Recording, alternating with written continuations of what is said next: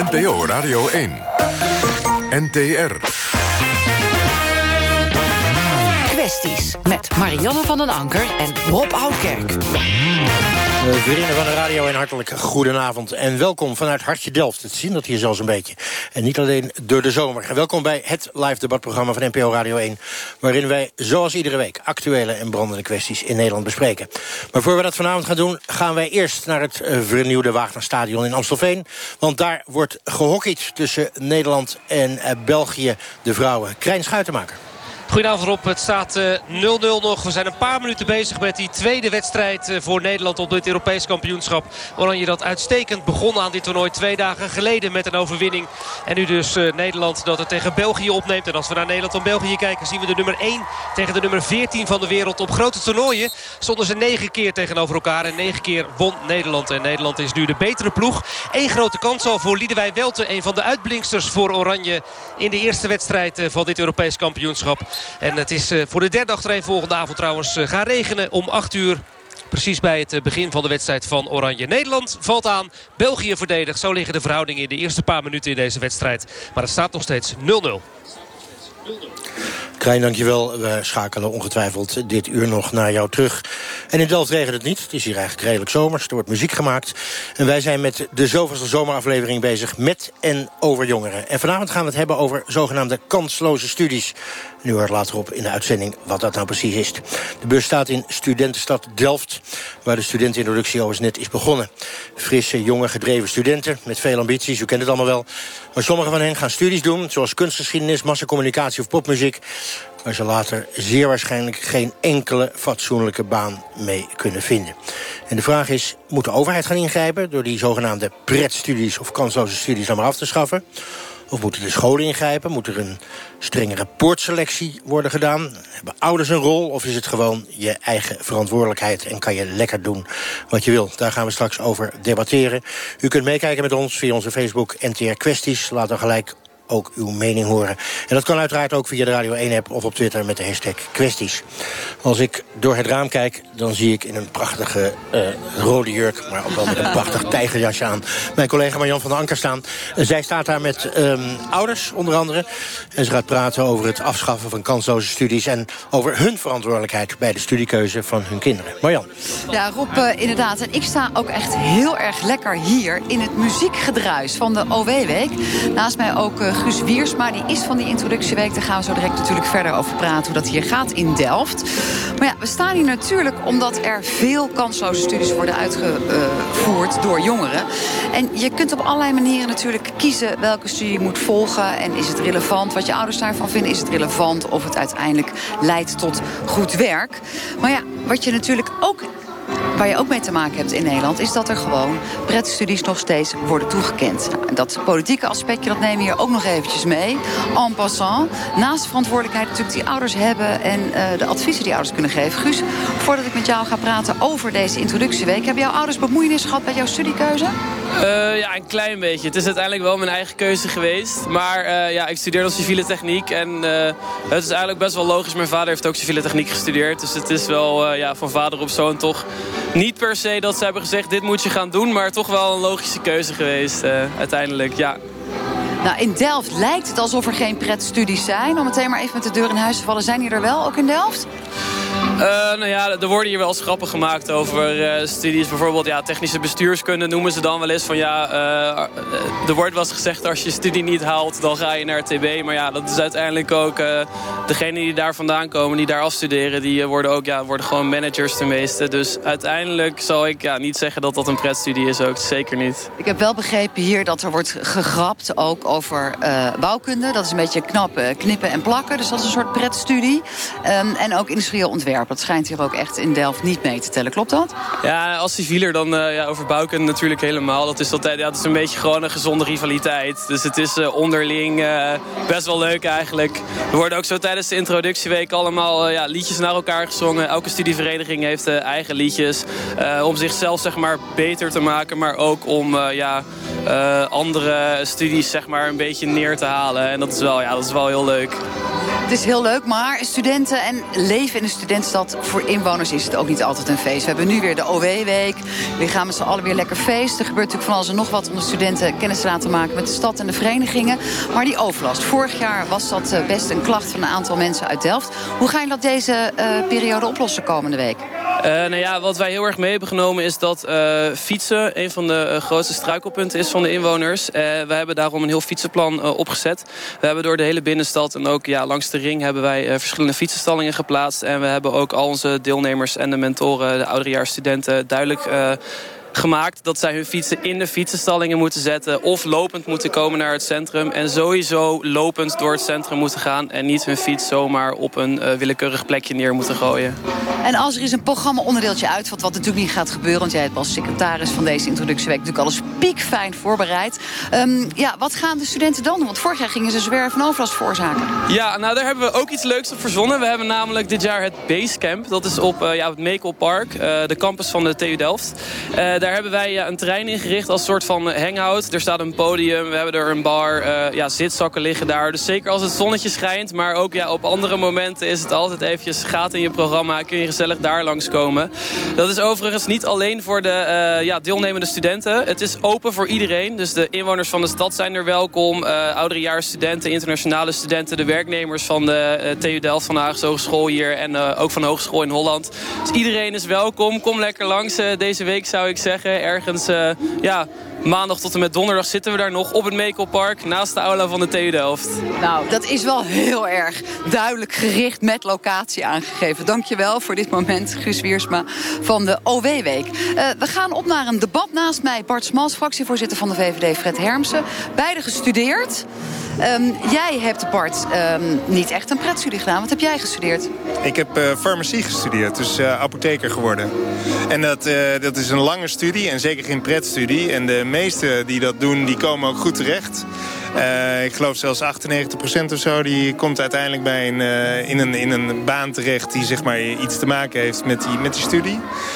Ja, dat, ja, punt. Ja, punt. Uh, Fred Hermsen, jij hebt dan uh, in vaktermen, welke vaktermen dan ook, gekozen voor een pretstudie, geschiedenis. Je hebt inmiddels een hartstikke goed lopend mediabedrijf. Ja. Um, waarom koos jij voor deze pretstudie?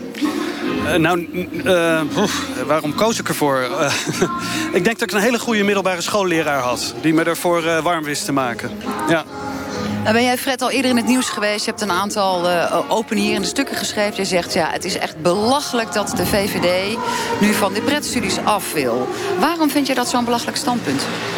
Um, zo kan ik het me niet helemaal herinneren. Ik heb gereageerd op een stuk van Mirjam Sterk van het CDA, uh, ex-Kamerlid. En die, uh, die hield een pleidooi... De Taskforce Jeugdwerkloosheid. Ja, precies. En die hield een pleidooi voor... Uh, nou ja, eigenlijk mensen die gingen studeren... zouden niet voor, een, voor zo'n pretstudie moeten kiezen, zeg maar.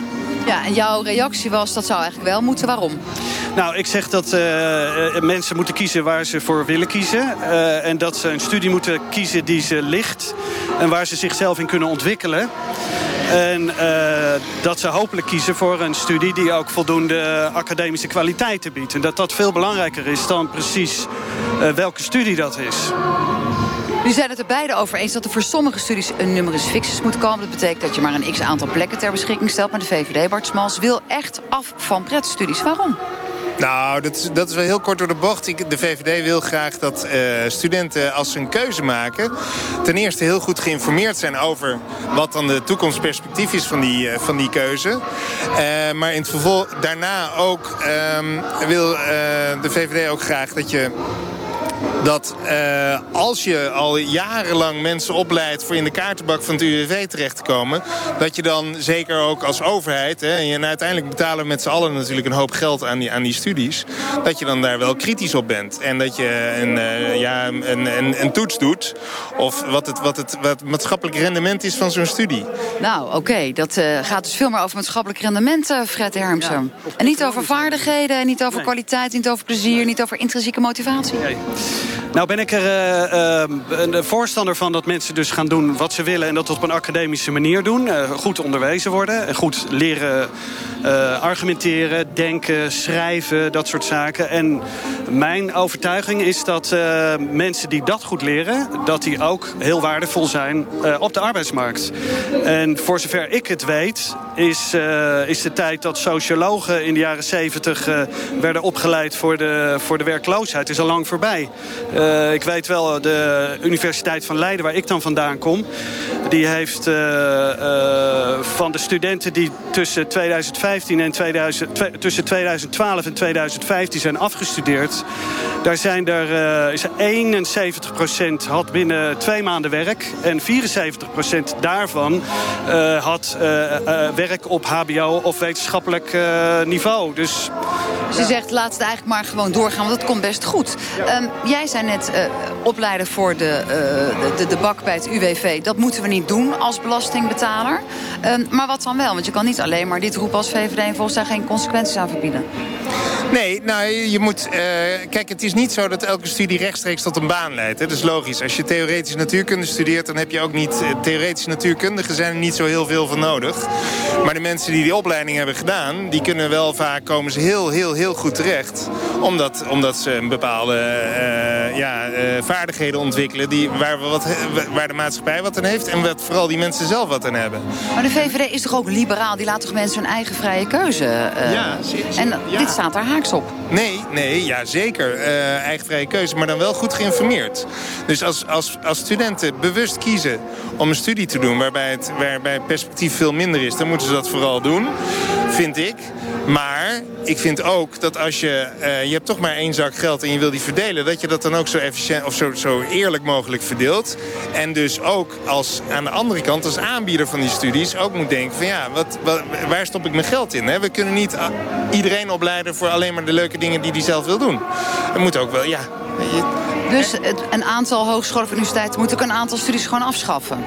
Nee, nee maar ik, ik, denk wel dat je op de lange termijn zou kunnen denken aan, aan het meer beperken. Dus met een fixus gaan werken en op welke manier dat dan moet gebeuren. Dan moeten vooral die universiteiten zelf weten en zelf invullen op welke manier ze dan die toegang uh, uh, toestaan. Maar ik denk dat het wel logisch is als er, als er jaar op jaar blijkt dat mensen, hele grote groepen mensen na een studie niet, niet op, een, op hun eigen niveau aan de bak kunnen komen. Dan, ja, dan, moet je, dan vind ik, dan moet je er wel iets aan doen het alleen al voor die studenten zelf. Er moet worden, actie moet worden ondernomen, Fred Ernst. Wat vind jij daarvan? Uh, dat, nee, daar ben ik het niet mee eens. Nee, nee, ik denk dat dat hun eigen keuze is. En ik, ik, nogmaals, ik zie het uh, probleem niet zo. Ik denk dat mensen uh, goed aan het werk komen in Nederland. En op het moment dat je dat onderzoekt... Hè, als dat inderdaad blijkt, wat je zegt, Bart... Dat er, dat er studies zijn die, waar mensen echt fundamenteel werkloos blijven... en, en in de welstand of in de, in de, in de bijstand terechtkomen... ja, dan heb je misschien een punt, daar moet je eens gaan nadenken. En dan, maar dan zie ik altijd nog de oplossing eerder in de kwaliteit van de studie. En zorgen dat er misschien in die studie zelf meer mogelijkheden zijn... om je voor te bereiden op de arbeidsmarkt. Dan om jonge studenten te verbieden wat ze mogen studeren. We zijn uh, hier vanmiddag de stad even ingegaan. Want het gaat natuurlijk ook over de rol van de ouders... nog los van de overheid en wat universiteiten en hogescholen zelf kunnen doen. In hoeverre weten ouders in de ogen van jongeren goed genoeg... hebben ze er verstand van welke vervolgopleiding gekozen zou moeten worden door deze kinderen? Uh, nou ja, natuurlijk zijn die, die voeden je op. Die zitten altijd bij je, die, die leven met je. Dus die kennen je beter dan uh, jij jezelf misschien wel kent. Nou, ik denk um, de, in de tijd dat ik uh, moest kiezen... dat ze daar niet echt heel verstand van hadden. Maar inmiddels, ik ben de oudste in het gezin... dus ik denk dat ze inmiddels al iets meer verstand ervan hebben. In hoeverre dat genoeg is, dat weet ik niet. Nou, ik denk wel dat ze dat hebben inderdaad. ja. Waar blijkt het uit in jouw geval? Uh, nou, zelf hebben ze heel veel research gedaan over het internet en zo. Dus konden ze mezelf er ook dingen over vertellen. En uh, ja, zo ben ik dingen te weten gekomen. Um, ik denk op persoonlijk vlak wel van dat ze me advies hebben kunnen geven... wat ik wilde gaan, wat bij mij zou passen. Maar niet, denk ik, wat er echt qua aanbod was. Want mijn ouders houden zich niet heel erg bezig met wat, zeg maar, met de universiteit. Um, dus ik denk het niet echt eigenlijk. Ja, natuurlijk. Dan zijn niet van niets mijn ouders, toch? Die hebben het zelf allemaal meegemaakt. Dus uh, die zorgen wel dat ik de beste weg uh, kies. Ja, ja, zeker. Die willen ook wel gewoon ook een goede opleiding gaan volgen natuurlijk. Ik ga nu uh, jacht- en scheepsbouwkundige doen in Rotterdam. Dus het heeft zeker invloed erop. Eh, nou, ik vind eigenlijk dat gewoon de persoon zelf, dus degene die gaat studeren, die moet het zelf bepalen. En als je ouders nou zeggen, lijkt me niet verstandig? Ja, dat eh, maakt mij niet heel veel uit. Jij doet toch wat je zelf wil? Ja, precies. De rol van ouders. Bart en Fred, jullie zijn ook niet alleen hier vanwege jullie opinies... maar ook vanwege het feit dat jullie ouder zijn. Jouw zoon zit uh, daar tegenover, gaat zo direct wellicht nog meepraten... over, over keuzes van studie. Um, jij hebt nog drie jongere kinderen, Bart.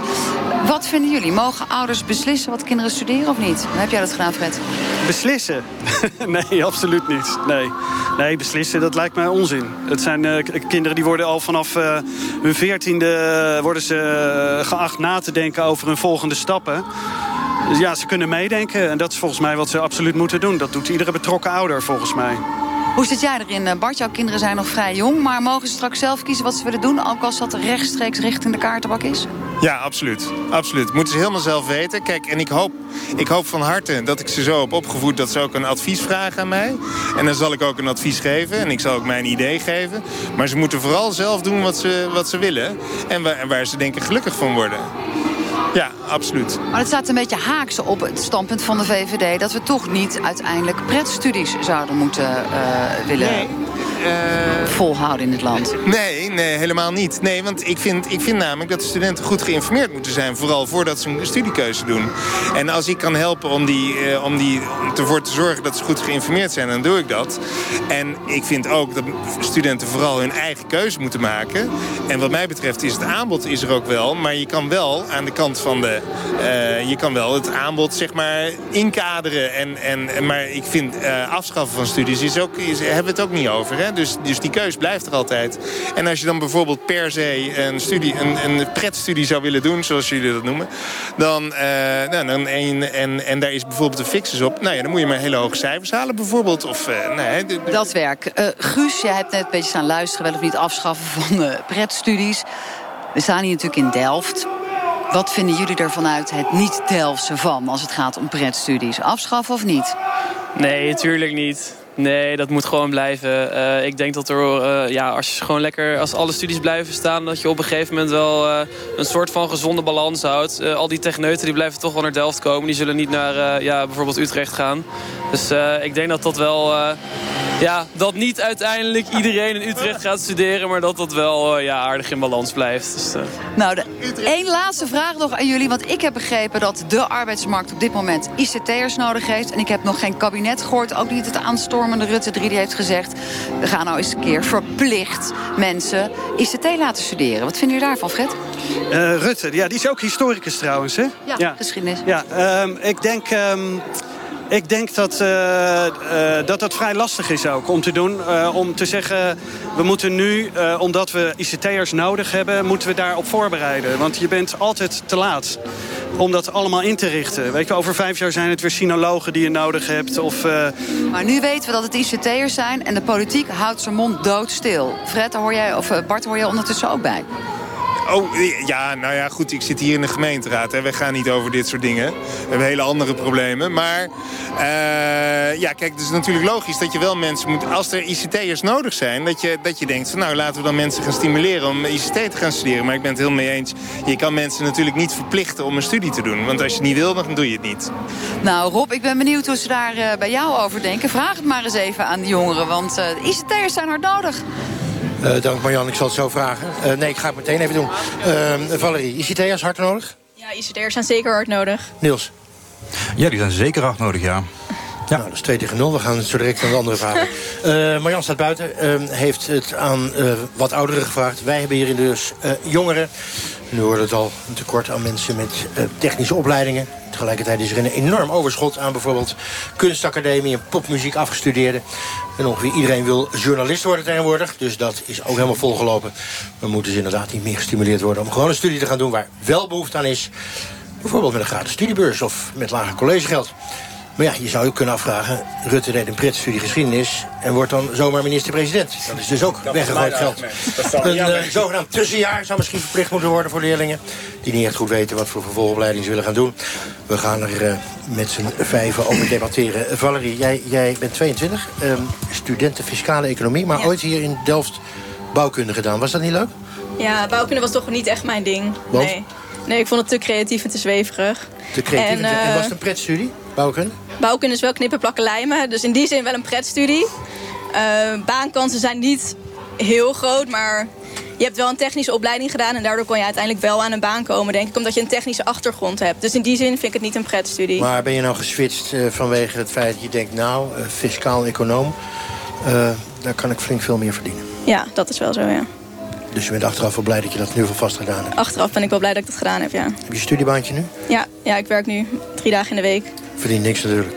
Nou, ik heb wel een goede vergoeding. Ja. Ja. Goeie vergoeding. Niels van der Dungen, eh 30 inmiddels. Dat klopt. Geen jongere meer en zo wat. Eh, je woont in Eindhoven. Dat klopt. Eh, je hebt filosofie gestudeerd. Is dat een pretstudie? Ja, ik weet eigenlijk niet wat je ermee bedoelt met dat woord. Nou, pretstudie is een studie die je voor je lol doet. Dat zouden meer studenten moeten doen trouwens. Maar die uiteindelijk oplevert dat je er in de maatschappij niks mee gaat doen. Dus dat de vraag gewoon laag is. Ja. Ja, ik, ik heb toch een beetje moeite met dat woord. Want ik denk bij mezelf van ja, pretstudie is een beetje een lekker denigrerend woord... als ik tegen mijn eigen leerlingen zou zeggen, want ik ben docent... nou, je doet een CNM-profiel, mooi, je bent eigenlijk maar een beetje een pretstudentje... of een pretleerling. Nou, dat vind ik zodanig denigrerend dat ik denk van... nou, dan heb je het ook niet helemaal begrepen, eerlijk gezegd. Dus ik zou eigenlijk af willen zien van die term. Oké, je mag afzien van die term, maar eh, ik, je kan niet afzien van wat je zelf in eh, de NRC hebt geschreven. Ik heb spijt voor mijn keuze van een studie filosofie, stond erboven. Dat klopt. Waarom dan? Nou, dat was in die tijd toen ik eventjes inderdaad ernaar zat. En ik dacht bij mezelf van ja, hm, wat moet ik nou eigenlijk ermee en wat ga ik er nou eigenlijk mee doen? En, en, en, en ik zat er eigenlijk wel een beetje zelf mee, zeg maar. En het was een beetje richting het einde van mijn studie. En ik, eh, ik, dacht ook bij mezelf van ja... En maar uiteindelijk dacht ik, bij- eh, het was zeg maar zo dat ik toen, niet inzag dat ik toch redelijk daar wat had geleerd. En toen pas een paar jaar later pas ben ik in gaan zien van, oh, ik heb er eigenlijk wel wat geleerd, maar ik besef dat eigenlijk niet. Pas. komt met jaren, begrijp ik. Ja, maar, je staat voor de klas. En, en, wat doseer je dan nu? Nou, vrienden me noemen ook wel classroom manager om het net wat hipper te laten klinken. En ik, eh, ik doseer eh, maatschappijleer en levensbeschouwing. Nou, dat ligt toch dicht bij de filosofie. Ja, dat zeker. Ja. Maar waarom zou je eigenlijk filosofie een pretstudie... ik mag niet van jou een pretstudie noemen... waarom zou je het eigenlijk een pretstudie noemen? Want zijn hele grote wereldleiders... die hele filosofische beschouwing hebben gehouden... en die zowat de wereld hebben gered. Ja, dat klopt. Maar ik vind bijvoorbeeld ook iets als geschiedenis ook helemaal geen pretstudie. Ik vind als kunstgeschiedenis ook helemaal geen pretstudie. Dat zijn gewoon hele serieuze alfa-studies... waar ook gewoon hele serieuze wetenschappers mee bezig zijn... om serieuze onderwerpen te onderzoeken. Dus eh pretstudie, no way. Oké, Jeffrey de Kogel uit Almere, 31. Het kan altijd nog Yes. een jaar ouder dan 30. Twee jaar geleden heb je de volgende opleiding gedaan. Ik ga het proberen hoor. Design voor Virtual Theater en Games. In één keer goed. Hallo. Eh, kan dat ook in het. Nederlands? Kan dat ook in het Nederlands? Nou, blijkbaar niet. Ehm, de, nou, ik vind wel dat de vaagheid van de naam past ook wel bij de nou ja, toch wel relatieve vaagheid van de opleiding. Ehm, het is namelijk een, eh, een, een zeer brede kunstopleiding die echt alles overkoepelt. Van theater tot theatertechniek en installaties maken tot en met 3D-design en game design. Ehm, en dat is gelijk de valkuil ervan. Ik dacht, heel leuk. Dat geeft mij, ik dacht destijds, dat geeft mij meer kansen op de arbeidsmarkt. Want het is een brede opleiding en ik leer allemaal brede Maar dingen. mooi niet. Nee, want eh, je leert van alles wat, maar je bent nergens in gespecialiseerd. En niemand weet wat die opleiding is, dus Maar- niemand Want vraagt je zit nu in de bijstand, eh, al een tijdje. Ja, ik heb, ook een, ik heb wel een tijdje les gegeven als werkmeester creatieve vorming. Dat was alleen ter vervanging van een langdurig zieke collega. Dus dat hield helaas op den duur weer op. En ja, momenteel, omdat ik nou ja, naast talloze sollicitaties... ehm, telkens net naast de pot piste, zo gezegd... bezorg ik de post. Omdat ik dacht van beter iets dan niets. En zo verdien ik in ieder geval nog wat van mijn eigen geld. Vind je nou achteraf dat je niet genoeg hebt nagedacht over jouw baankansen? Absoluut. Ja, ik eh, kan er niet omheen. Ik eh, heb zoiets van, had iemand mij maar van tevoren wijsgemaakt... van En denk wie goed zou die na. iemand hebben moeten zijn? Eh, je ouders, vrienden, Ehm, de scholen, de overheid? Ik vind in de eerste instantie dat er best wat meer aandacht aan besteed mag worden... eigenlijk vanuit de overheid wel. Ehm, want ik neem aan dat het ook in de, in de ja, best interest van de overheid is... ehm, om eigenlijk zo economisch... Ja, om ze het economisch gezien zo goed mogelijk te laten doen... als je een studie hebt eh, afgemaakt. Oké, zullen we het straks nog even eh, verder over hebben. En nu zou ik aankondigen Lex Cornelissen, voorzitter van de JOVD Rijnmond. Ehm, maar die stuurde een sms'je om één voor half acht... dat hij zojuist was opgebeld door het landelijk bestuur van de JOVD. En ik citeer hem maar even. Zij hebben liever niet dat een afdelingsvoorzitter van de VVD het debat voert. Don't blame him. Hij zegt, ik moet daarom met pijn in het hart afzeggen. Ik wil de dol graag meedoen, maar het mag niet. We hebben Bart Smals toevallig ook nog hier, want die stond net buiten bij Marianne. En eh, die doet toch ook iets bij de VVD. Kan even de microfoon pakken, Bart? Ehm, de Volkspartij voor Vrijheid en Democratie geeft een Spreekverbod aan een afdelingsvoorzitter? Nou, allereerst ben ik heel erg gevleid dat ik eh, gezien word als een vertegenwoordiger van de JVD. Want volgens mij die leeftijd ben ik al een tijdje nee, voorbij. Nee, ik weet dat er heel veel, heel veel tussen de JOVD en de VVD speelt. Maar ik was Nee. echt een beetje flabbergasted hiervan. Hoor. Ja, ja nee, ik ook. Maar ik, ja, ik, ik kan er verder niet zoveel van maken dan eh, dat ik eh, hoor wat je zegt. En daar moeten we het maar bij laten. Helaas. Nou ja, ik kan wel wat proberen om iets van JOVD-geluid te laten horen. Maar nou, volgens jouw mij geluid dat was duidelijk. Want jij zei, er moet gewoon maatschappelijk rendement zijn. Afgelopen met die petstudies. Wat zou de JOVD gezegd hebben hier? Kijk uit, hè? Want, eh, Ja, nee, dat, dat, dat, is glad ijs. Daar ga ik me niet op begeven. Want ik ga zeker niet... Ik ben veel te oud om voor de JOVD te kunnen je praten. ziet er nog heel goed uit. Ja, maar dankjewel. toch is het vaak zo dat de JOVD hele andere standpunten heeft dan de VVD. Toch? Klopt, klopt. En dat is ook prima. Ik Ja. vind ook dat iedereen zijn eigen eh, gedachten erover moet hebben. We hebben wel een mooie vervanger voor eh, Lex Cornelissen. Eh, eh, Hugo eh Kerkhoffs, zomaar van straat geplukt hier, zou je kunnen zeggen. Jij studeert lucht- en ruimtevaarttechniek hier in Delft. Dat is een van de moeilijkste studies, heb ik gehoord. Pretstudie of is dat geen pretstudie? Dat is ehm, zeker geen pretstudie. Ik heb er wel heel veel plezier in, maar het is eh, hard werken, lange dagen maken en vroeg uit je bed. Dat is niks hè, voor een student. Het valt te combineren, maar het is af en toe moeizaam. Ja, ik hoor het in je stem. Zwaar weekend gehad. Wel heel leuk weekend. Wel een leuk weekend, maar wel zwaar. Nee, maar luister, jouw standpunt over pretstudies dan? Want die zijn er dus wel, of niet? Ja, ze zijn er zeker. En ik zie het ook best wel veel gebeuren. Is dat eh, studenten niet zo goed weten waar ze aan beginnen. En dan eh, inderdaad, we noemden ze net al, kunstgeschiedenis, eh, informa- eh, communicatiewetenschappen, eh et cetera, et cetera. Ehm, en dan eigenlijk achterkomen van, verdomme, ik, ehm, ik kan eigenlijk nergens naartoe. Niemand wil, eh, niemand wil dit, want het is net niet diepgaand genoeg. En eh, je bent nergens echt een specialist in. Eh, en dat is zonde. En ik weet zeker dat deze mensen, als ze er van tevoren beter over hadden nagedacht... en misschien iets beter gestuurd werden... wel een betere keuze hadden gemaakt. Want ze vinden heel veel andere dingen ook leuk. Maar je bent 18, dus misschien ben je nog helemaal niet 20. zo bewust mee bezig. Ja, nee, niet jij. begint, is 18, 19. Dus ja, misschien als je Ja. later begint... dat je er wat bewuster over hebt nagedacht. Dat zou ook kunnen, toch? Valerie? Ja, zeker als je 18 bent, vind ik dat de, de, de scholen, de middelbare scholen, moeten wel echt zorgen voor goede inlichting, voorlichting. Want eh, ja, als 18-jarige kun je inderdaad geen goede keus maken als je geen voorlichting hebt gehad. Dus die voorlichting op middelbare scholen is echt essentieel. Ik wist ook niet dat ik fiscale economie wilde doen, maar gaandeweg ben ik het uiteindelijk toch gaan doen. Hugo? Ik eh, haak je graag op aan. Van, ik vind dat, de middelbare, dat het al bij de middelbare scholen in de zin verkeerd gaat... dat er vakken worden aangeboden eh, die studenten al die richting opsturen. Ik denk aan, ik kan ze even niet meer opdreunen... maar eh, aan, CKV of zo. aan CKV. Nou, ik heb wel met even geholpen door Niels. Ja, dank je. Oké, eh, standpunt duidelijk. Het is eh, even over half negen. U luistert naar het programma Kwesties. En wij hebben het vanavond met zowel ouderen als jongeren over of die pretstudies. Dat zijn studies waarin je opgeleid wordt voor iets wat je misschien helemaal nooit gaat doen. Of die niet aan banden moeten worden gelegd. Of eh, anderszins. De laatste gast die ik eh, introduceer vanavond is Tim Stam, 22. Studeert geschiedenis. Maar eerst drie jaar journalistiek. Dus van de ene ja. pretstudie naar de andere pretstudie. Ja, zo zou je het wel kunnen zeggen. Maar ik vind dat daar helemaal niks, eh, niks mis mee is. Want? Ehm, ik denk op de middelbare school dat ik al sinds de derde, misschien vierde wist van dat ik geschiedenis of dat ik journalistiek wilde gaan doen. Ehm, dus dat konden, konden ze mij ook echt niet uit mijn hoofd praten. Dus dat ben ik ook meteen gaan doen. Ehm, en toen in het tweede jaar, derde jaar kwam ik er een beetje achter dat het toch niet echt mijn, eh, mijn studie was. Toen heb ik een tussenjaar genomen. En nu ben ik inderdaad geschiedenis gaan, eh, gaan doen. Ja, en weet je wat? eh, stel dat mijn vriendin nu zit te luisteren... en die betaalt eh, veel belasting... en die zit dan te denken, dat is even lekker. Eh, zit hij van mijn belastingcenten... zit hij gewoon een beetje eh, allerlei dingen te studeren. Wat gaat hij er eigenlijk mee doen?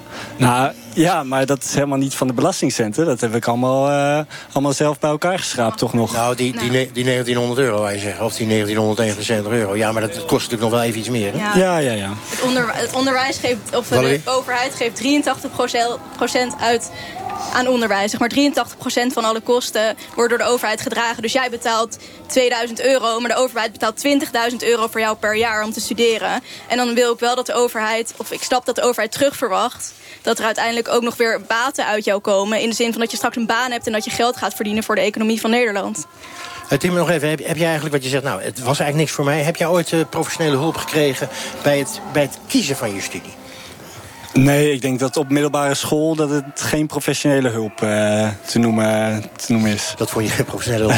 en, en maak jij je nou druk? Hè? Net gehoord, eh, heel eerlijk, eh, van anderen... van ja, als ik nu achteraf kijk... dan had ik misschien een andere studie moeten kiezen. Ehm, maak jij je druk op kans, voor kans op een goede baan?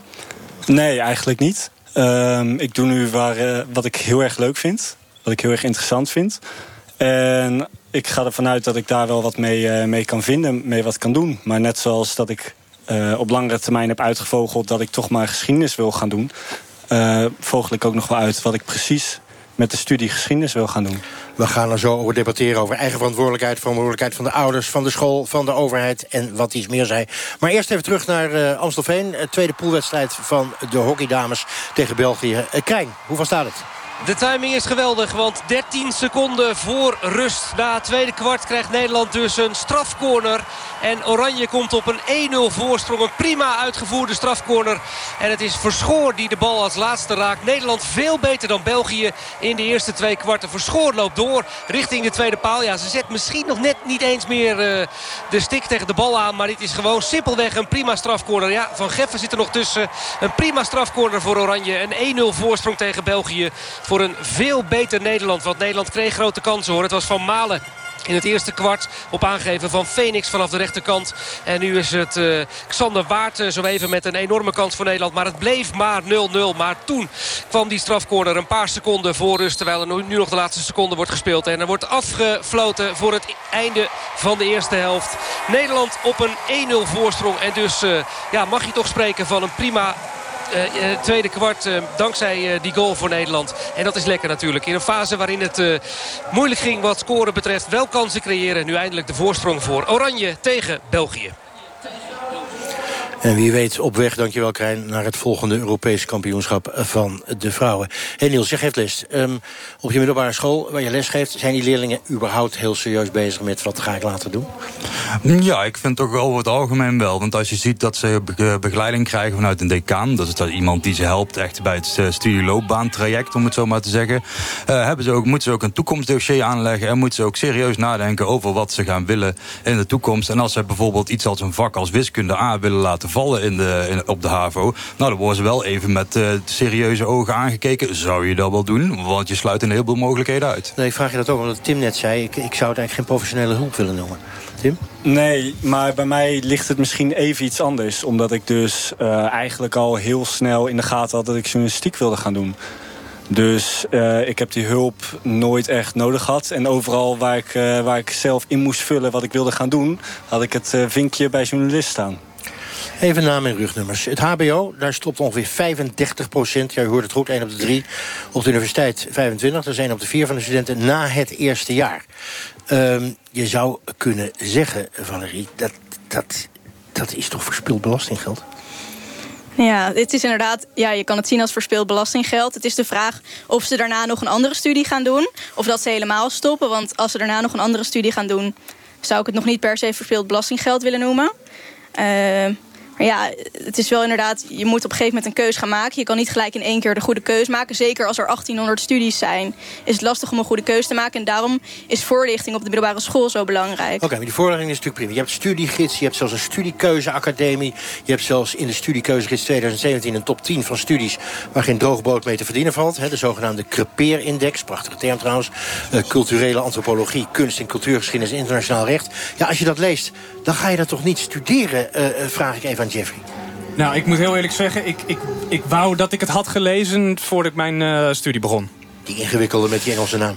Precies, die ingewikkelde met die Engelse naam. Wat had hij hoog in die top 10 gestaan van crepeerstudies? Um, ik denk het wel, ja. Het is, een, het is een hele obscure kunststudie die heel erg breed is. Dus uh, ik, ik zou hem in ieder geval vrij hoog zetten. Onze columnist uh, Annabel Nanninga die concludeerde vandaag in haar column... En ik citeer, je hoeft geen academische titel te hebben om te begrijpen dat de wereld echt niet zit te wachten op talloos veel met belastinggeld opgeleide werkeloze popmuzikanten, fotografen, filmwetenschappers, vrije tijdskundigen en antropologen. Je hoeft voor veel beroepen überhaupt geen academische titel te hebben trouwens, echt niet. En via de Radio 1-app zegt, uh, app, sorry, zegt Colin dat er een overkill is aan hoogopgeleide. Zijn de bouwvakkers dan onbelangrijk? Niels? Nee, die zijn zeker niet onbelangrijk. Want anders heb ik zo meteen geen huis. Of zo meteen heb ik geen een verstopt riool. En ik heb geen zin in een filosoof die naar mijn riool zit te kijken. Nee, maar, maar overreten wij niet gewoon ehm, het feit dat mensen zo graag willen studeren? Ja, ik, dat, dat vind ik op zich nog wel een leuke opmerking. Ja, dat, dat is inderdaad dat eh, studeren aan zich wel te, te hoog soms aangeslagen wordt. En dat we zeker inderdaad meer waardering moeten hebben voor mensen die bijvoorbeeld een mbo-techniek eh, studie doen. En daarmee echt gewoon een hele nuttige baan vervullen. Want eh, die mensen hebben echt keihard nodig inderdaad. U luistert naar het programma Kwesties. Het is uh, 7,5 minuut over half negen. En wij praten over pretstudies. We gaan eens praten over uh, uh, wat we ermee kunnen... en wat we er misschien voor moeten doen en moeten laten. heel veel jongeren gaan tegenwoordig, als ze klaar zijn met hun middelbare school... lekker een tussenjaar doen naar Australië, naar Nieuw-Zeeland, naar Amerika.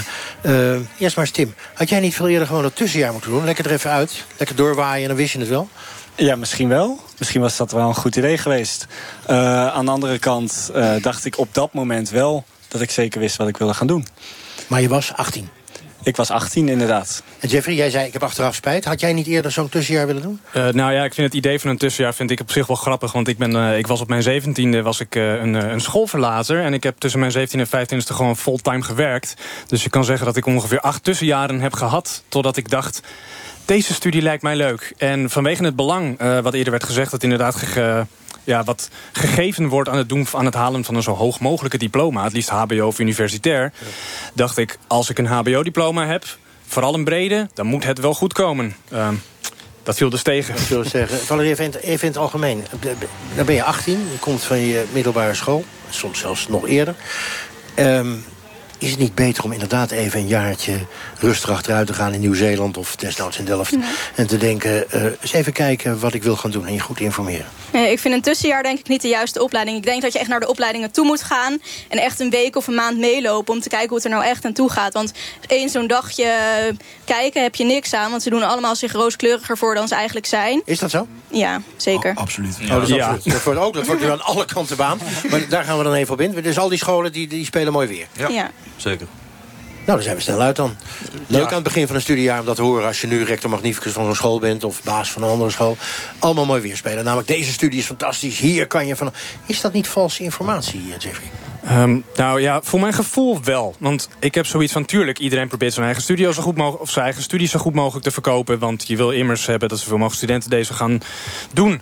Maar aan de andere kant vind ik het ook dat het een beetje de plicht is... van de mensen die zo'n studie leiden... en van degene die de studenten aan moeten nemen... om ze wel te informeren van begrijp wel dat je kansen op de arbeidsmarkt...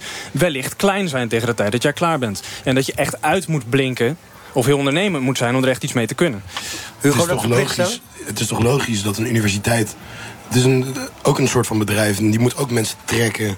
en gewoon een marketingplan uitvoeren. En je gaat niet zeggen van, ja weet je, geschiedenis is een hele leuke studie... Maar als je het voor het geld bent, zou ik het niet doen. Ja, maar je kunt ook als universiteit zeggen...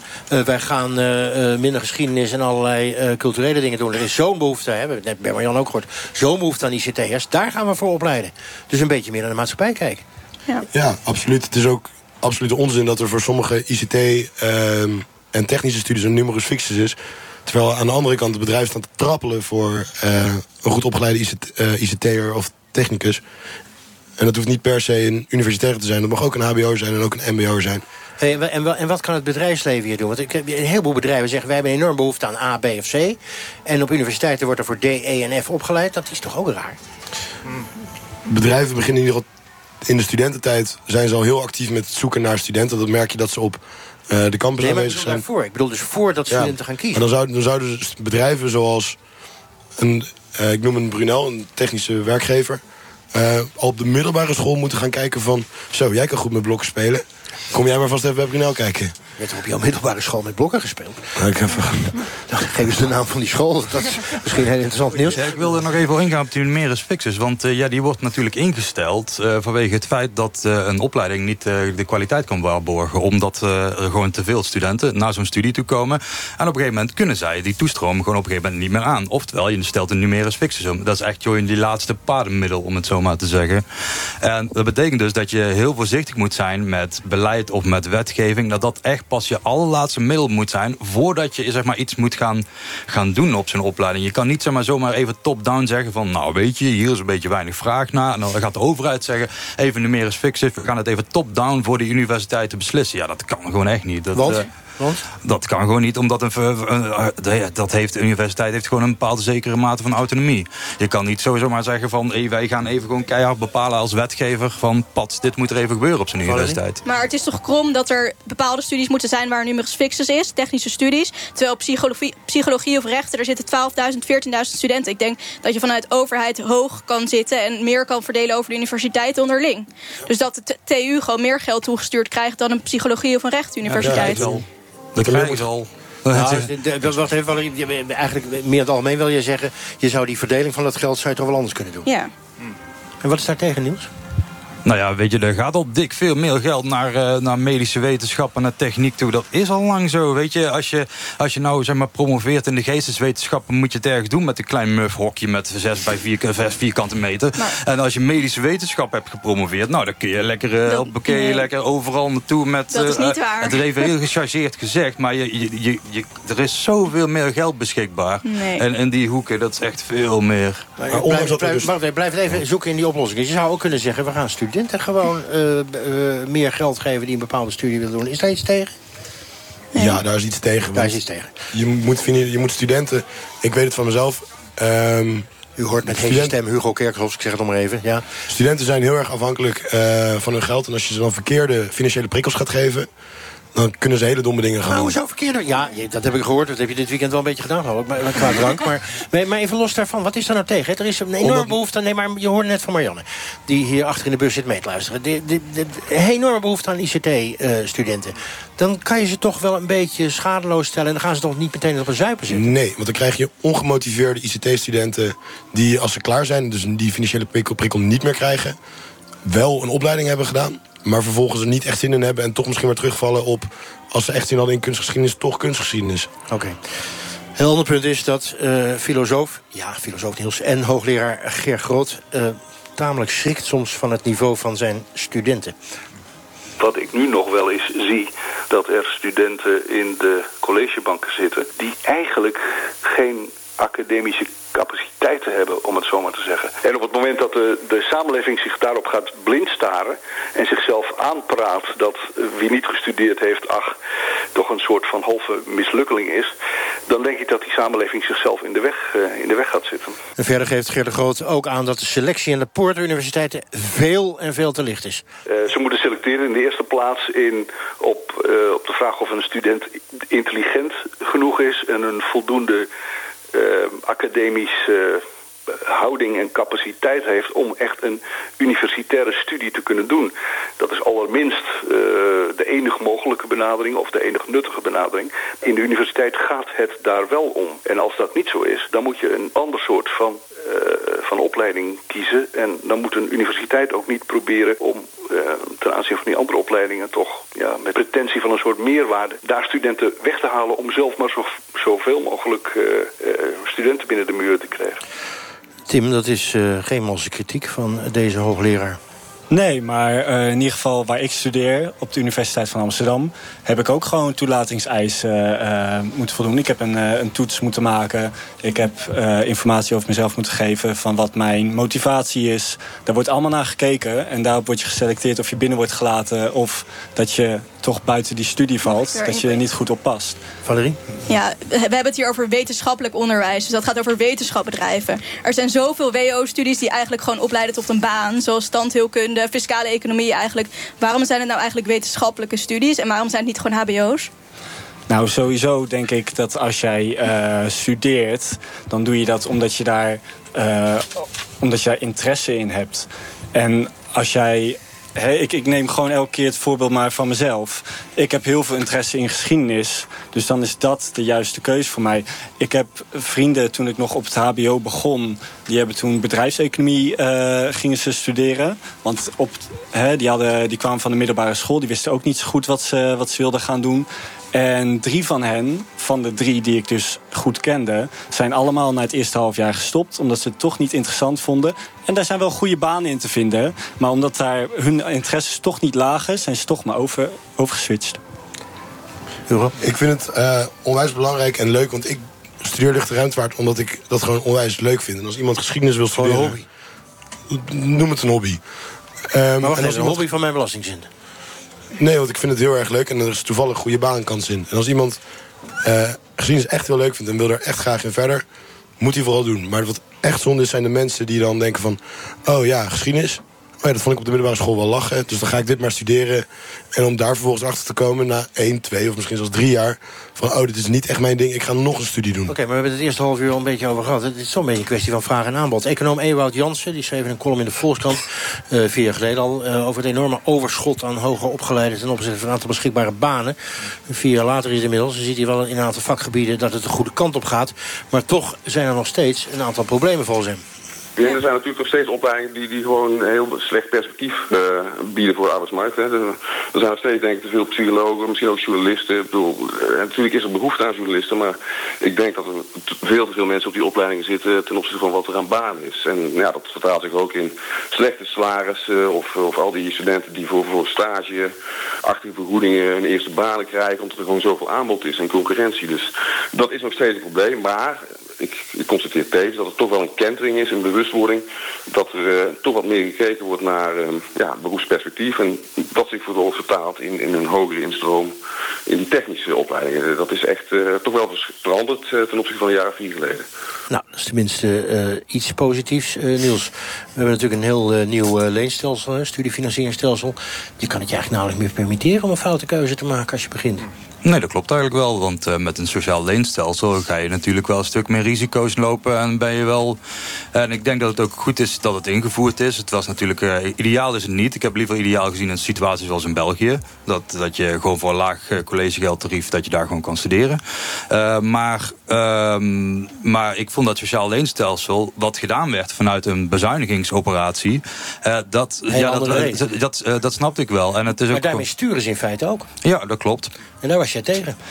Nee, niet per se. Want, nou, je zei uh, dat de overheid zich er niet mee mocht bemoeien, maar pas op het allerlaatste moment. Maar op deze manier kan je toch via via ook doen? Ja, nou is het inderdaad meer aan, voor aan de poort, zeg maar. Dat je het gewoon generiek doet, zeg maar, gewoon op uh, alle studenten. In plaats van dat je allerlei middelen gaat inzetten voor de universiteiten... om, die, om dat beleid daar te verwringen of iets dergelijks. Dat moet je niet doen. Jeffrey, rol van die overheid, uh, terughoudend of juist heel actief? Um...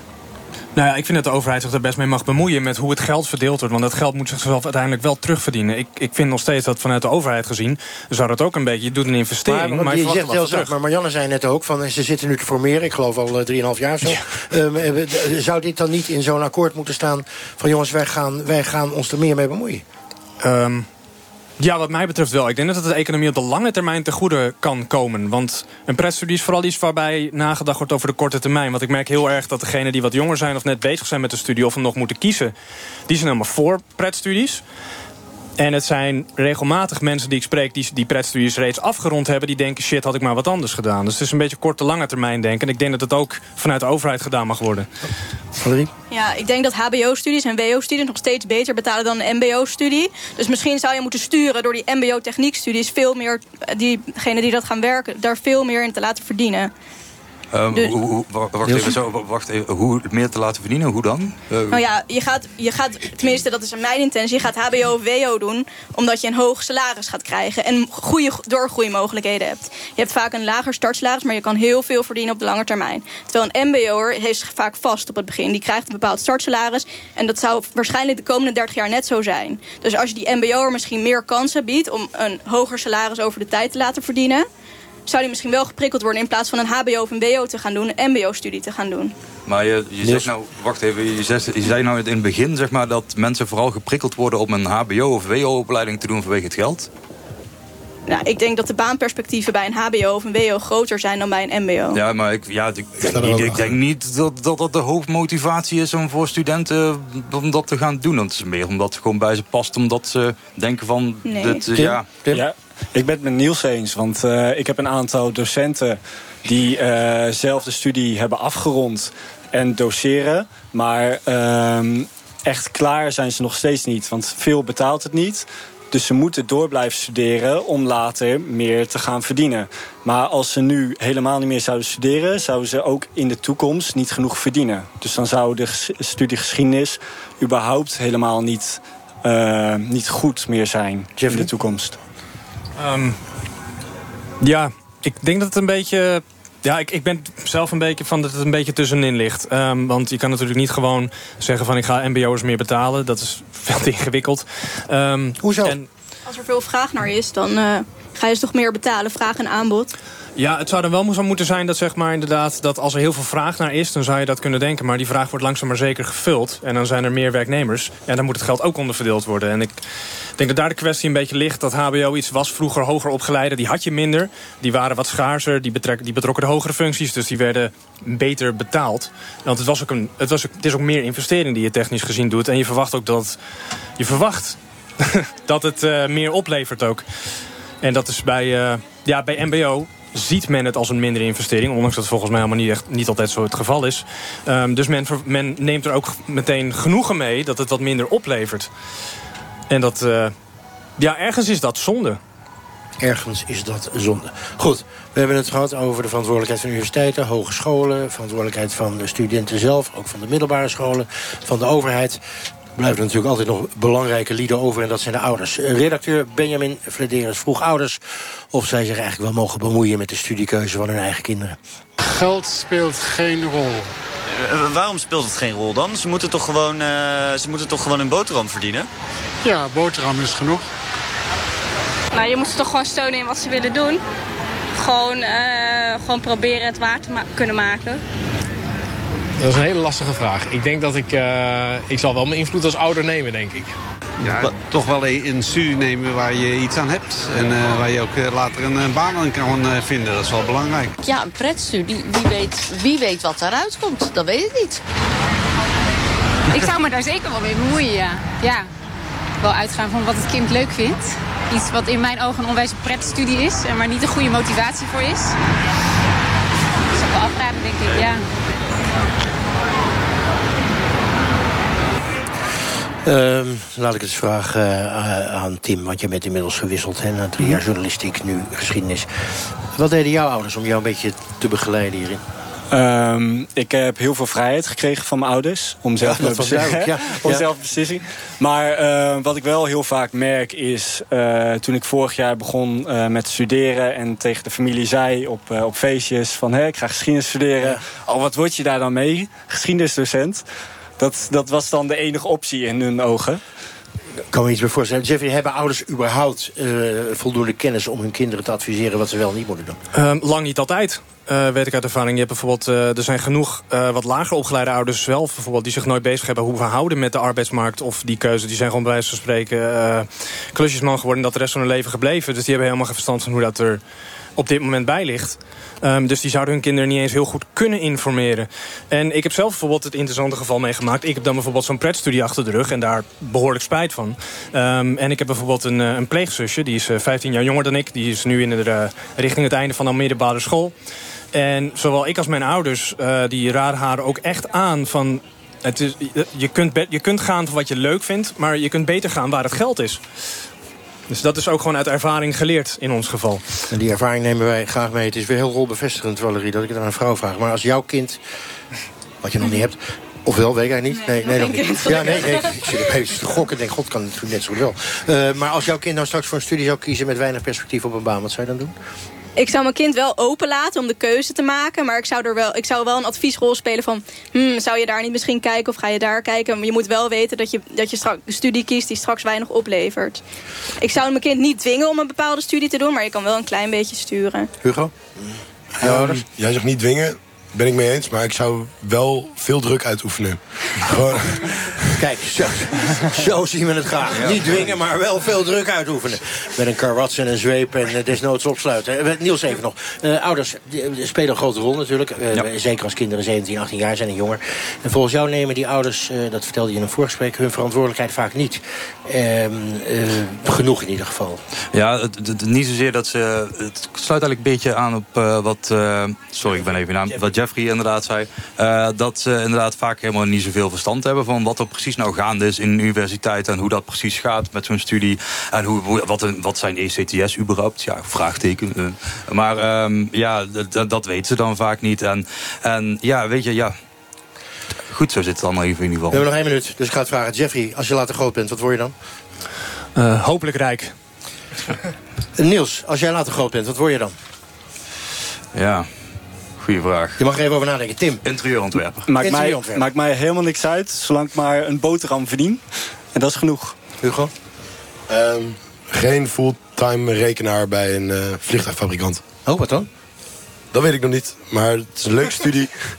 Maar het, eh, het rekenen ben je op een gegeven moment een beetje klaar mee. Lekker een kroeg openen. In Delft. Heerlijk. En tenslotte, eh Valerie, als je later groot bent. Ja, ik denk dat ik fiscalist word. Saai. Ja, heel leuk. Maar het verdient veel, hè? ja. Daar heb je het al. Ik dank jullie hartelijk en ik dank ook de eh, gasten van Marianne. En ik dank natuurlijk ook onze Lex. Want hij zei af, maar hij wou zelf heel graag. Tot zover eh, deze uitzending. Discussieer met ons mee op Twitter met de hashtag kwesties. Of onze Facebookpagina. Volgende week praten we met jongeren over religie. Moeten ouders hun kinderen al vanaf de wieg religieus opvoeden? Of is het beter als ze ze gewoon vrijlaten? Zometeen Radiodoc over schaamte radio maken... en de aanslag op luchthaven Zaventem. Ik wens u een prachtig mooie zomerzondagavond.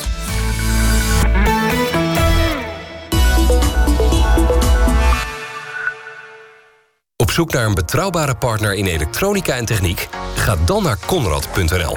Kies uit ons ruime assortiment van meer dan 750.000 technische producten. Bestel snel en eenvoudig op Conrad.nl. Techniek begint hier. Ai, je hebt een virus op je laptop. Problemen met een virus? Of met je smartphone? Of digitale televisie? Studentaanhuis.nl. Wij fixen het wel. Op zoek naar elektronica en techniek? Ga dan naar Conrad.nl. Techniek begint hier. Leiderschap gaat altijd over jezelf kennen. Ik was, ik was er gewoon te obsessief mee bezig. Het moest lukken, weet je wel. Waardoor je jezelf heel veel stress oplegt. En voor ik het wist had ik klanten, zeg maar. En daar schrok ik wel van, want ik had nog geen bedrijf. De gedachte dat je een bedrijf helemaal in je eentje kan opzetten... en dat helemaal succesvol maken, dan, dan heb je het gewoon helemaal fout. Openhartige gesprekken met inspirerende ondernemers. Dat is Groeifactor. Het inspiratieplatform van MKB Brandstof. Beluister alle gesprekken waar en wanneer je maar wil op groeifactor.nl. Groeifactor beweegt ondernemers. Ondernemers denken misschien niet zo snel aan Telfort. Maar Telfort wel aan ondernemers. Want Telfort Zakelijk biedt altijd precies wat je nodig hebt. Bijvoorbeeld vastmobiel in één. Dan heb je één nummer voor al je telefoons, waardoor je altijd bereikbaar bent. Ga voor meer informatie naar telfort.nl slash zakelijk. Doe er je voordeel mee. Telfort Zakelijk. Relaxen met Arno Grunberg in de tuin. Of aan het zwembad liggen met Loes den Hollander. Je kan het met bol.com. Want deze zomer neem je echt al je favoriete schrijvers mee op vakantie... met het Kobo Plus e-book abonnement. Voor maar 9,99 euro per maand lees je onbeperkt boeken... van de beste schrijvers. Gewoon op je smartphone, tablet of Kobo e-reader. Ga nu naar bol.com en lees de eerste 30 dagen gratis. NPO Radio 1